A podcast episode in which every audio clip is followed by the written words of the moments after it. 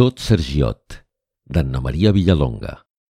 Relat regal d'aniversari dedicat a Jordi de Manuel i al seu cicle de l'inspector Marc Sergiot, 16 d'abril de 2017. Enregistrament en veu alta.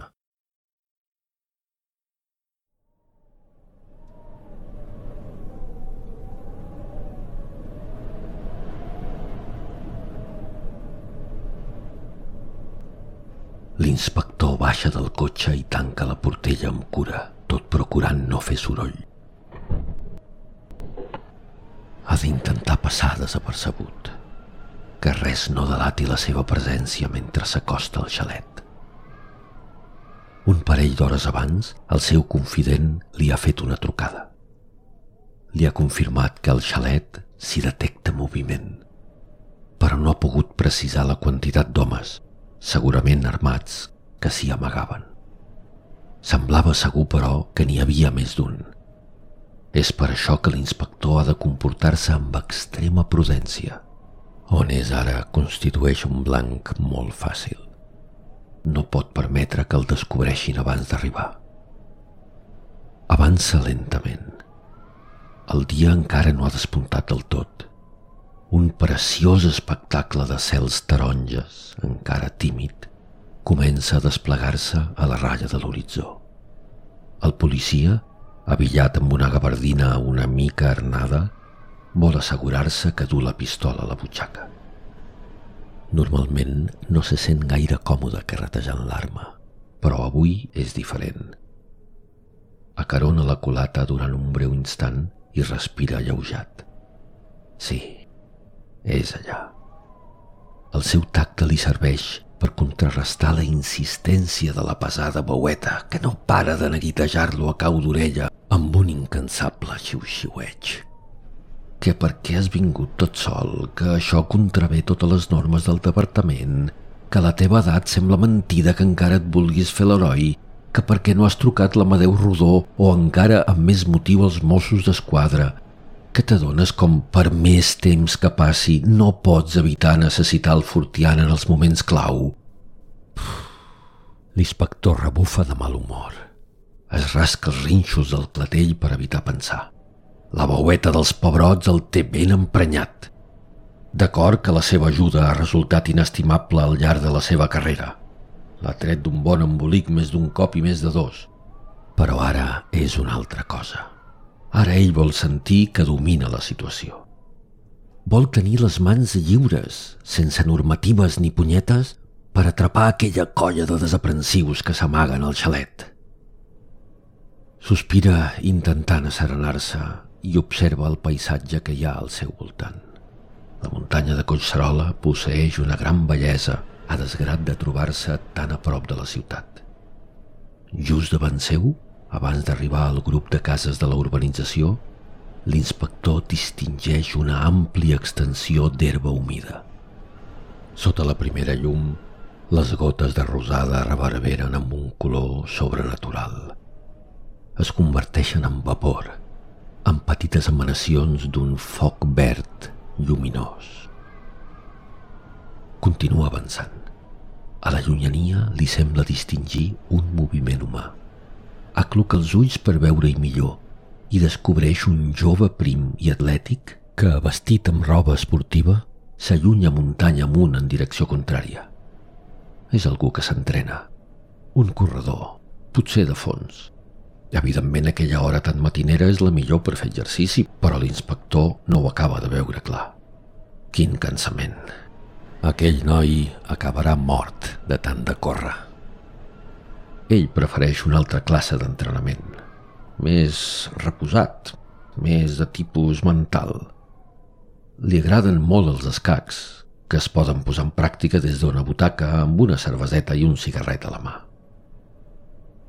De cop i volta, distret amb la contemplació del corredor, l'inspector s'entrebanca amb alguna cosa i cau pesadament. Queda estès com un ninot damunt la terra fosca. Collons! Remuga mastegant les paraules perquè no li brotin de la gola. Han tropeçat amb l'arrel soterrada d'un pi. Quina merda! S'aixeca cautelosament i es mira la gabardina. li ha quedat feta un nyap. Molla de rosada de dalt a baix. També té les mans, que han parat el cop, totalment xopes. Se les mira. Negres de terra les té. Les mans brutes i negres. Les refrega contra els faldons de la gabardina. Total, ja està tan llardosa. Quan torni a la ciutat l'haurà de dur a rentar, cosa que, per ser sincers, no fa gaire sovint. Ara ja es troba a tocar del xalet, situat en un extrem del carrer, a la zona oest de la urbanització. L'inspector torna a ficar-se la mà a la butxaca. La pistola el tranquil·litza de nou. Amb enorme sigil s'acosta a la finestra més gran, que calcula que deu ser la de la sala. Enganxat a la façana, sense oblidar les advertències del confident, s'arrapa contra el mur intentant fondre's amb la quasi superada foscor. És aquella hora de l'alba en què tots els colors esdevenen difusos, com si tothom tingués el rostre i els cabells porpres, com si res no fos del tot real i les persones sorgíssim espectralment del món dels somnis. Dels somnis grisos i negres i daurats, fins i tot dels somnis bonics, dels somnis blaus. L'inspector sacseja el cap amb una certa ràbia i s'afua amb els dits el poblat bigoti. Està sorprès d'ell mateix. Què cony està rumiant en el moment crucial d'una acció policial?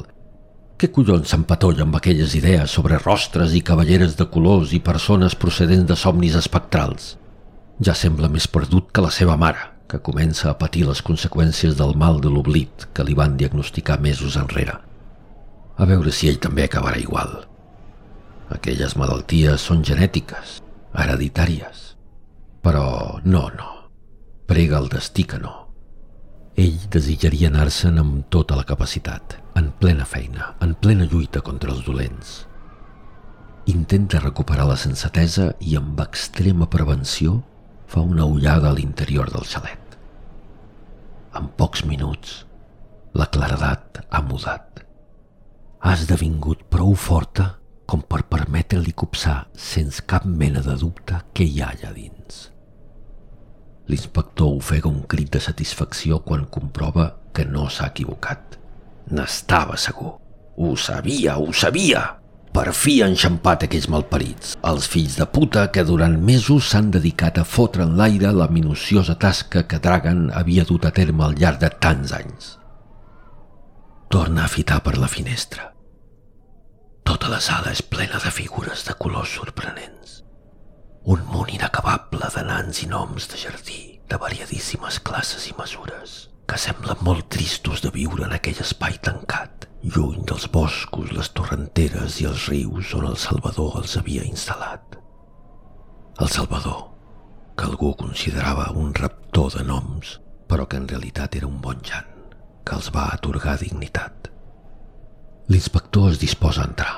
Esbutzarà la porta si fa falta. Està completament decidit a defensar la causa d'en Dragan, a alliberar els seus protegits. És per això que ha vingut sol, sense ningú. Malgrat el risc, malgrat l'obstinació sàvia de la boueta. Hi ha coses a la vida que són d'una sola persona. Ningú no et pot ajudar. Ningú no et pot entendre. Saps que les has de fer, passi el que passi, costi el que costi. Saps que les has de fer. I les fas. Abans de treure la pistola de la butxaca i deslliurar el percussor, l'inspector eleva els ulls al cel. Encara es distingeixen les darreres estrelles. Li agrada tant mirar-les. Sospira profundament i es frega amb els dits el lòbul de l'orella. Just en el moment que colpeja la porta, just quan és a punt de jugar-s'ho tota una sola carta, el vell policia sent que dels núvols comencen a caure unes gotes enormes, gotes rodones que repiquen a terra i li reboten als rínxols i a la gabardina gastada. Una intensa fragància s'alça de l'herba i li espatega els narius. És una fragància que depura, que renta, que neteja el món. Una fragància única. Ah, l'olor de la pluja.